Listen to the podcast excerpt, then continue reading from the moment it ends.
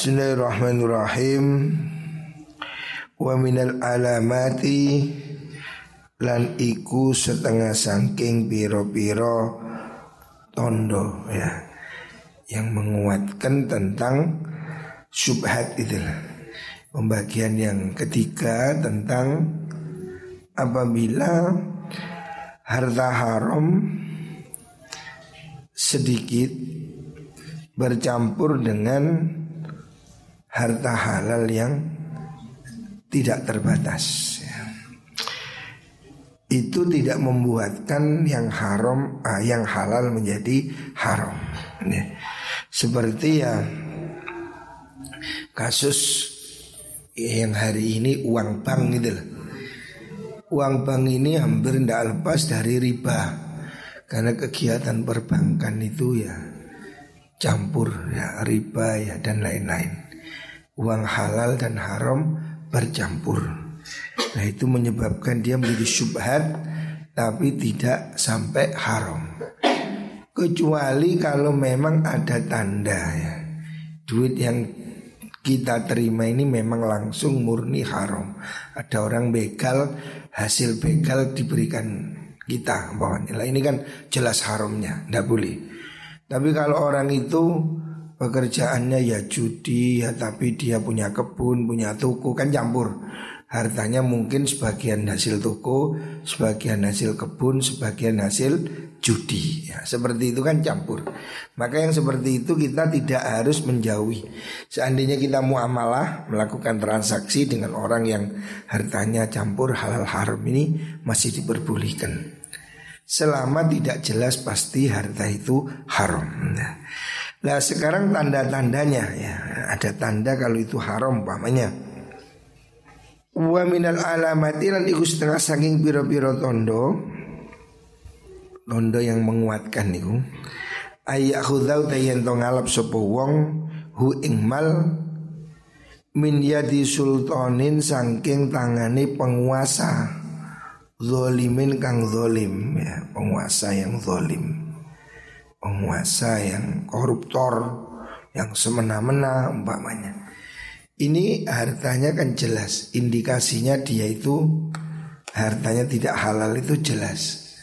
Karena? Nah, dia memang pekerjaannya itu koruptor, ya pemerintahan yang zolim umpamanya.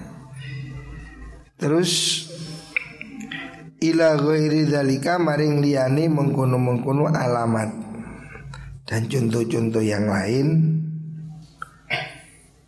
minal alamati nyatane saking piro-piro tondo alati sayati kang bakal teko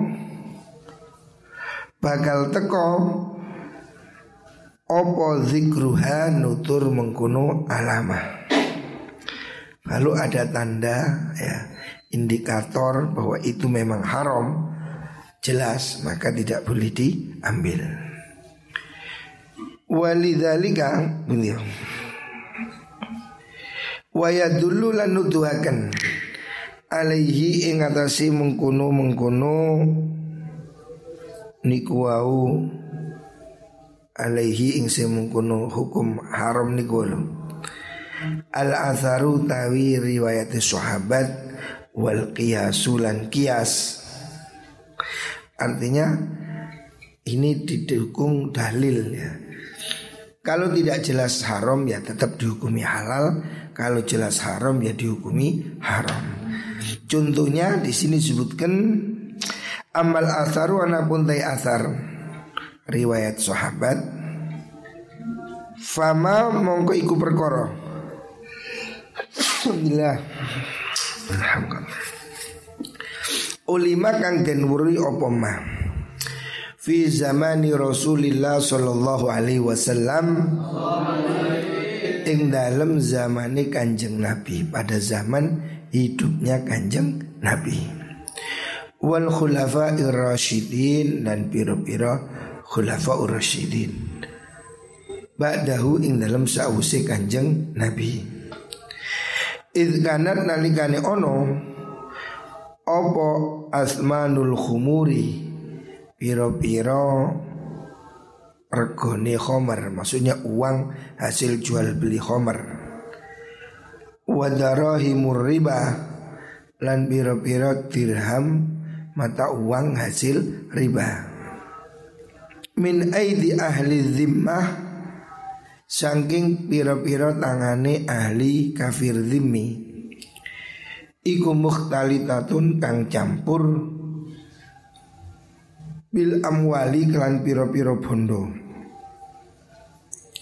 pada zaman dahulu kan ketika masa periode Nabi itu kan masih ada orang kafir dan muslim berkumpul ya.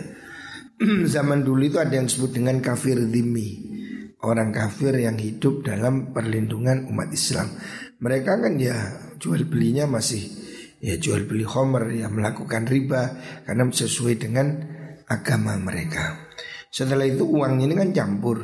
Hasilnya ini dengan hasilnya itu bendanya maksudnya bendanya ini duitnya ini kan terus dibuat jual beli dengan orang muslim ya. Campur. Wakada kaya mengkono mengkono amwalu dhimmi niku Gululul amwali utawi gulul ngutil. Gulul itu korupsi. Nyolong piro-piro bondo rampasan perang. Wakadha kayak mau jadi hulul itu kalau bahasa hari ini ya korupsi Banyak juga zaman dahulu juga ada orang korupsi sudah ada.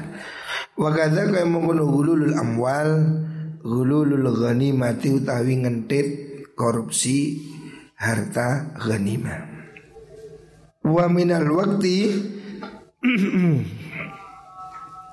lan sangking waktu alladzina hakang nyegah sinten Rasulullah sallallahu alaihi wasallam anir riba saking hukum riba ya.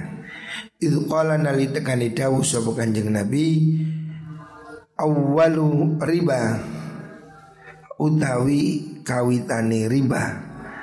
Allahu kang nyelekaken ingsun hu ing riba iku ribal abbasi ribani uh, Sayyidina Abbas. Maksudnya Nabi itu menghukumi riba harus dihentikan ketika mulai saat itu.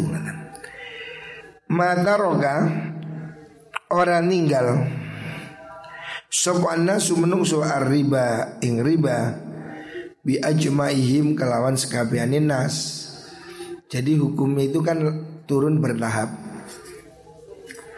Pertama kali ketika diumumkan itu masih belum diharamkan semua. Dan sahabat belum uh, belum semuanya meninggalkan riba secara total. Kama lam yatruku koyo oleh, oleh orang ninggal sopo sahabat surbal humuri ing ngombe pira-pira khamar wasairil ma'asi lan sekerini pira-pira maksiat. Khomer juga dilarang secara bertahap, tidak langsung ya. Awalnya itu kan la taqrabus shalah wa antum sukara. Terus bertahap bertahap sampai ritsum min amal syaitan. Artinya maksudnya yang dimaksud harta yang pada zaman Nabi pun itu sudah ada campuran. Harta yang murni halal dan harta yang campur dengan hasil riba. Ya orang-orang non muslim pada waktu itu kan masih melakukan riba. Duit hasil ribanya itu dibuat buat beli ke pasar orang Islam. Nah, Kan campur ya. Bendanya maksudnya. Artinya percampuran harta haram dan halal itu sudah terjadi sejak zaman kanjeng Nabi. Termasuk soal korupsi. Zaman Nabi sudah ada korupsi ngentit sudah ada. Maka sampai Al-Quran mengatakan Orang-orang yang nyolong nyopet Besok akan ditampakkan penyopetannya Korupsinya Ada orang korupsi tapi kan tidak semua. Pada zaman Nabi juga ada. Artinya harta yang ada campuran, mungkin sebagian orang ada korupsi campur di situ, tidak menjadikan semua harta dihukumi haram. Hatta ruya sehingga den riwayataken opo ba'anna ba'dha ashab bin nabi? Setunis bagiane piro-piro sahabat Nabi Muhammad sallallahu alaihi wasallam. Iku ba'a adol sapa ba'dul ashab al khamra ing khamr Faqala dawu sapa Umar Sayyidina Umar radhiyallahu an la'anallahu fulanan La'ana muga nglaknat sinten Allah Gusti Allah fulanan ing fulan nama orang. Huwa utahi fulan iku awaluman kawitani wong sana kang gawe kelakuan sapa man be al khamri ing adul khamr. Idlam yakun korona ora ono ora ono sapa mengkunu fulan iku fahima kot fahima teman faham sapa fulan anna tahrimal khomri setune harome khomer pengharaman hukum haramnya khomer iku tahri mul tahrimun ngaromaken li zamaniha maring regani mengkono khomer ya. Jadi zaman dulu sahabat juga ada yang masih jualan khomer Karena dia mengira haram itu minum Jualnya boleh ya, kan? karena ketidaktahuannya. Wakala dawu Rasulullah sallallahu alaihi wasallam Inna fulanan sudni fulan Nama orang Iku ya juru Nari sapa fulan Finnari ing dalam neraka Abaatan ing kemul Selimut Qad ghallaha kang wis nyolong ngentit. Gulul itu nyentit, ngentit, tahu ngentit. Nyolong diem-diem itu lah. Kan ada nyolong terang-terangan Jadi ngerampok. Nyolong di tempat namanya Mencuri. Ada yang gulul Gulul itu barang yang ada pada dia dicolong, dicuri. Nah coro ini ngentit. Nah, Ngentit ngerti ngentit. Nyolong barang yang ada di sampingnya. Hmm.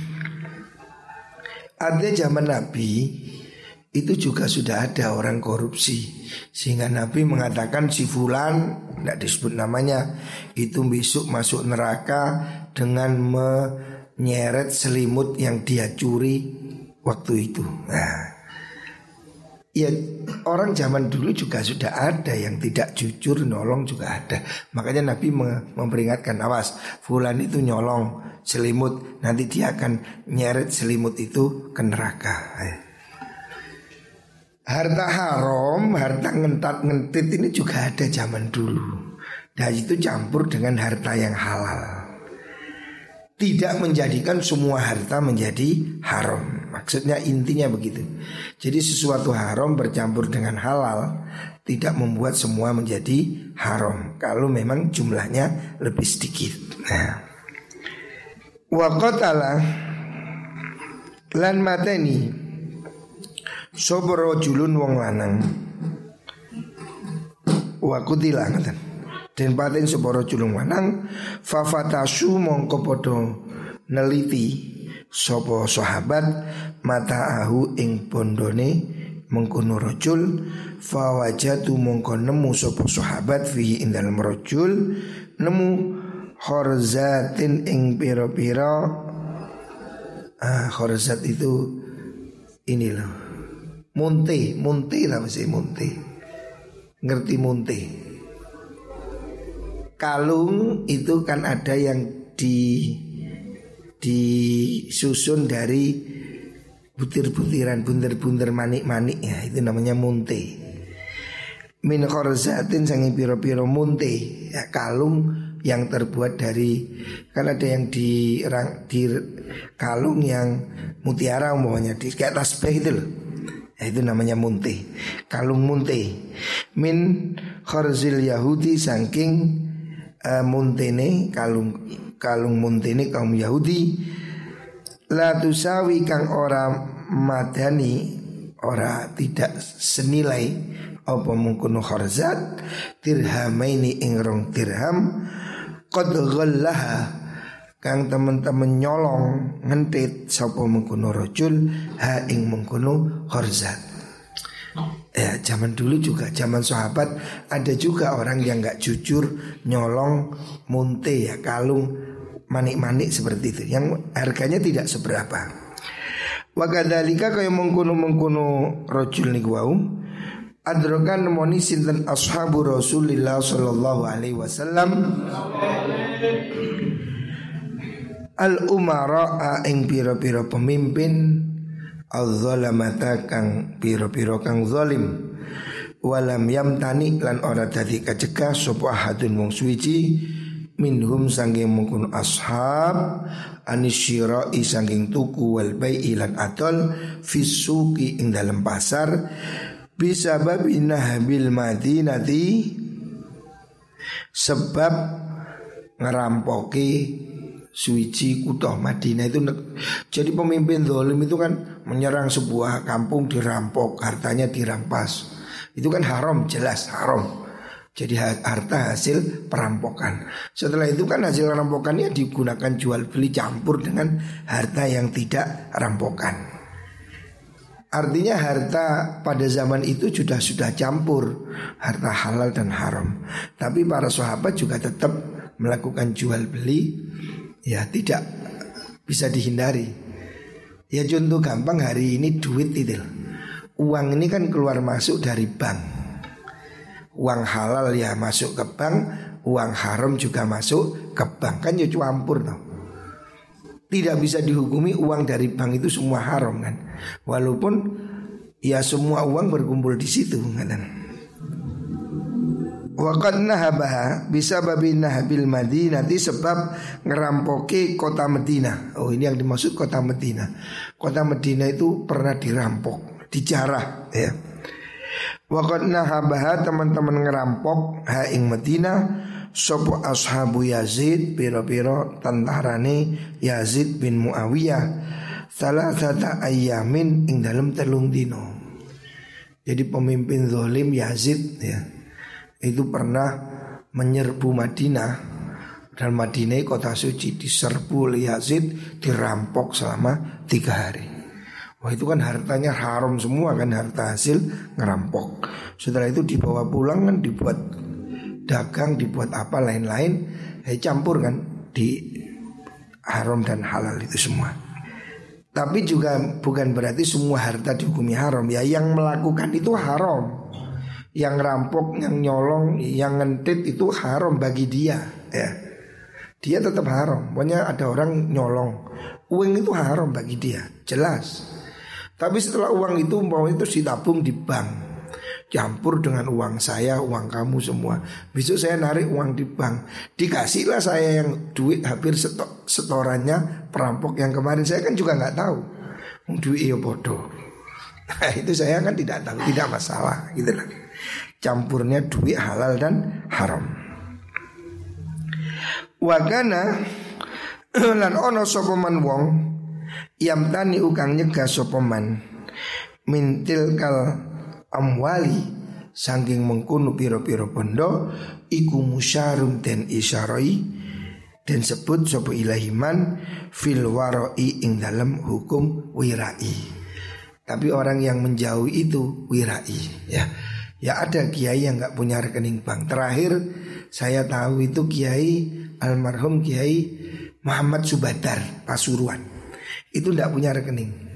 Padahal dia itu mau balik top. Nah, duitnya di rumah, nggak ada yang taruh bank.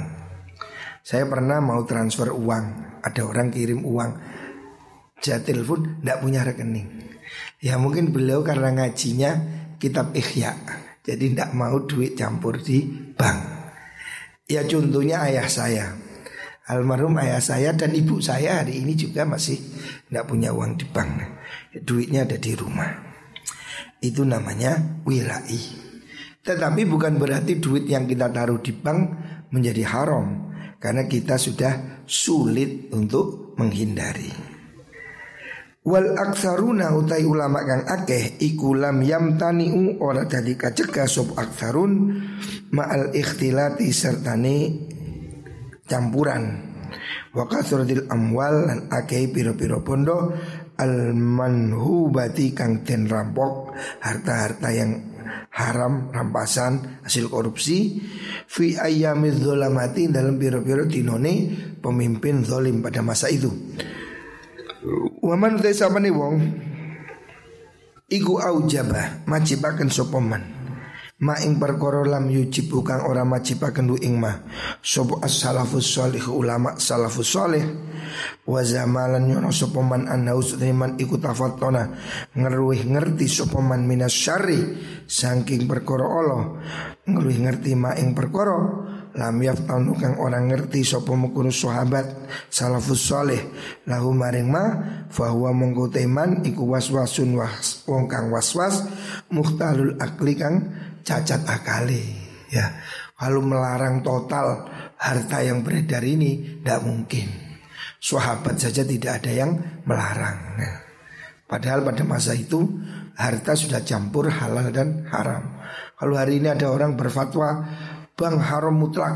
Nah terus duit ya apa? Ya gak bisa kan? Kalau ada orang memfatwakan pokoknya mutlak bang haram duit keluar bank haram. Nah terus kalau mau beli pakai apa? Ya tidak masuk akal. Masa kita mau barter? Barter telo, ijol, roti, masa begitu? Tidak bisa kan? Hari ini kalaupun alasannya campur itu mau dihukumi haram, duit haram. Terus jual pakai apa? Barter, tidak mungkin ya. Makanya Imam Ghazali mengatakan itu tidak mungkin dilarang secara total. Karena campurnya halal dan haram. Tetapi orang yang mau menjauhi itu bagus. Berarti dia wirai. Waman apa nih wong? Muni. Walau jaza lamun menang opa yuzada yang to tambahi. Alaihi mengatasi mengkuno salafus soleh fi amsali hadha ing dalam padane ikilah mal niku. Harta yang campur mukhtalat niku. La jaza mengko wenang apa mukhalafatuhum nulayani mengkuno ulama salaf. Fi masailah dalam biro-biro masalah. La mustanad kang orang nastandinan diku mawujud fiha dalam masail. Siwa tifaqihim sakliyane sepakati mengkuno sahabat. Contohnya ka qaulihim kaya pengucape mengkuno uh, salafus saleh niku. Rupane innal jiddada.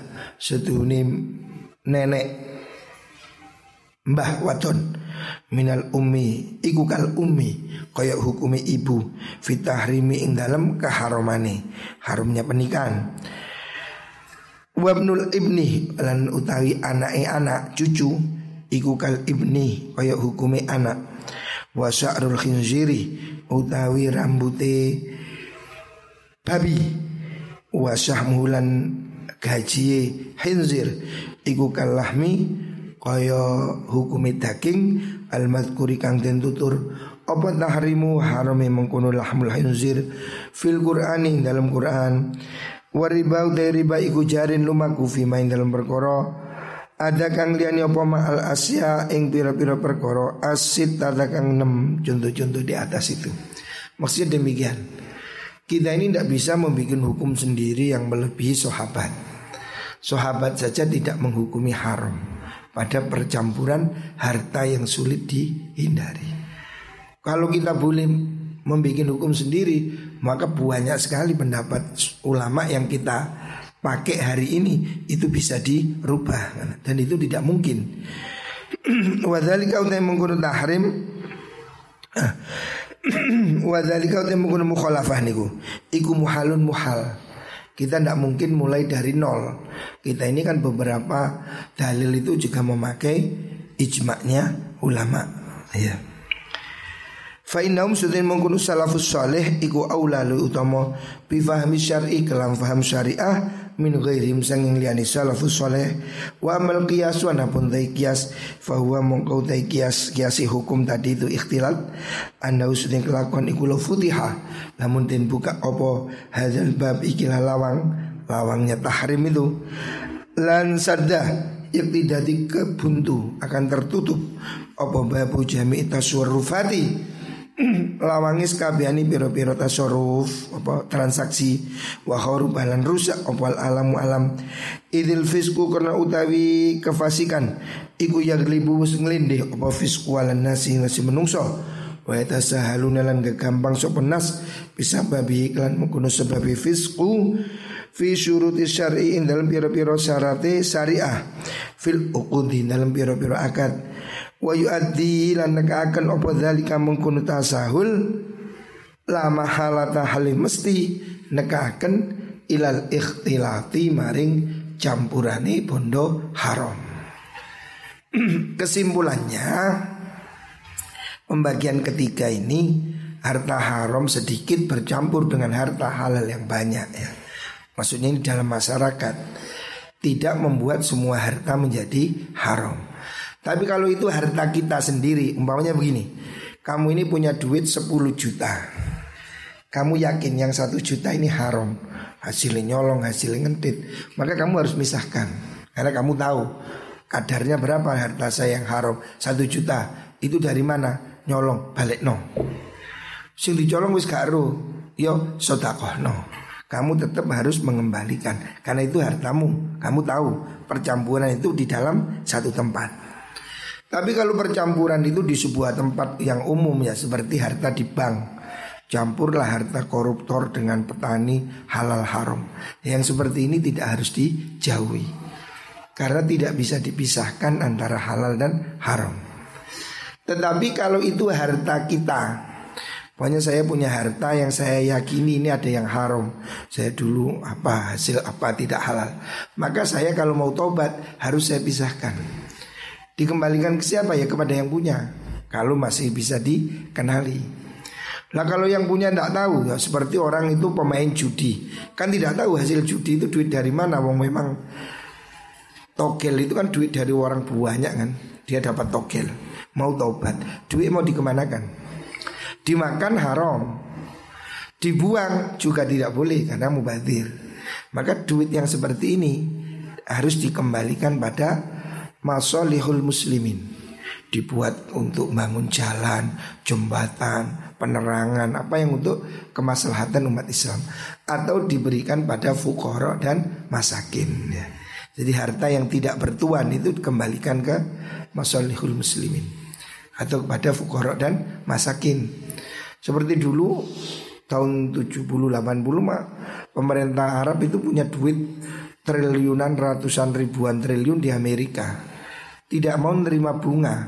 Justru bunganya malah diambil oleh pihak non muslim. Akhirnya diberi fatwa bunga itu supaya diambil tapi tidak dimakan, diberikan pada apa amal-amal ya, kemanusiaan itu boleh ya. Itu caranya memisahkan harta yang halal dan haram. Wallahualam.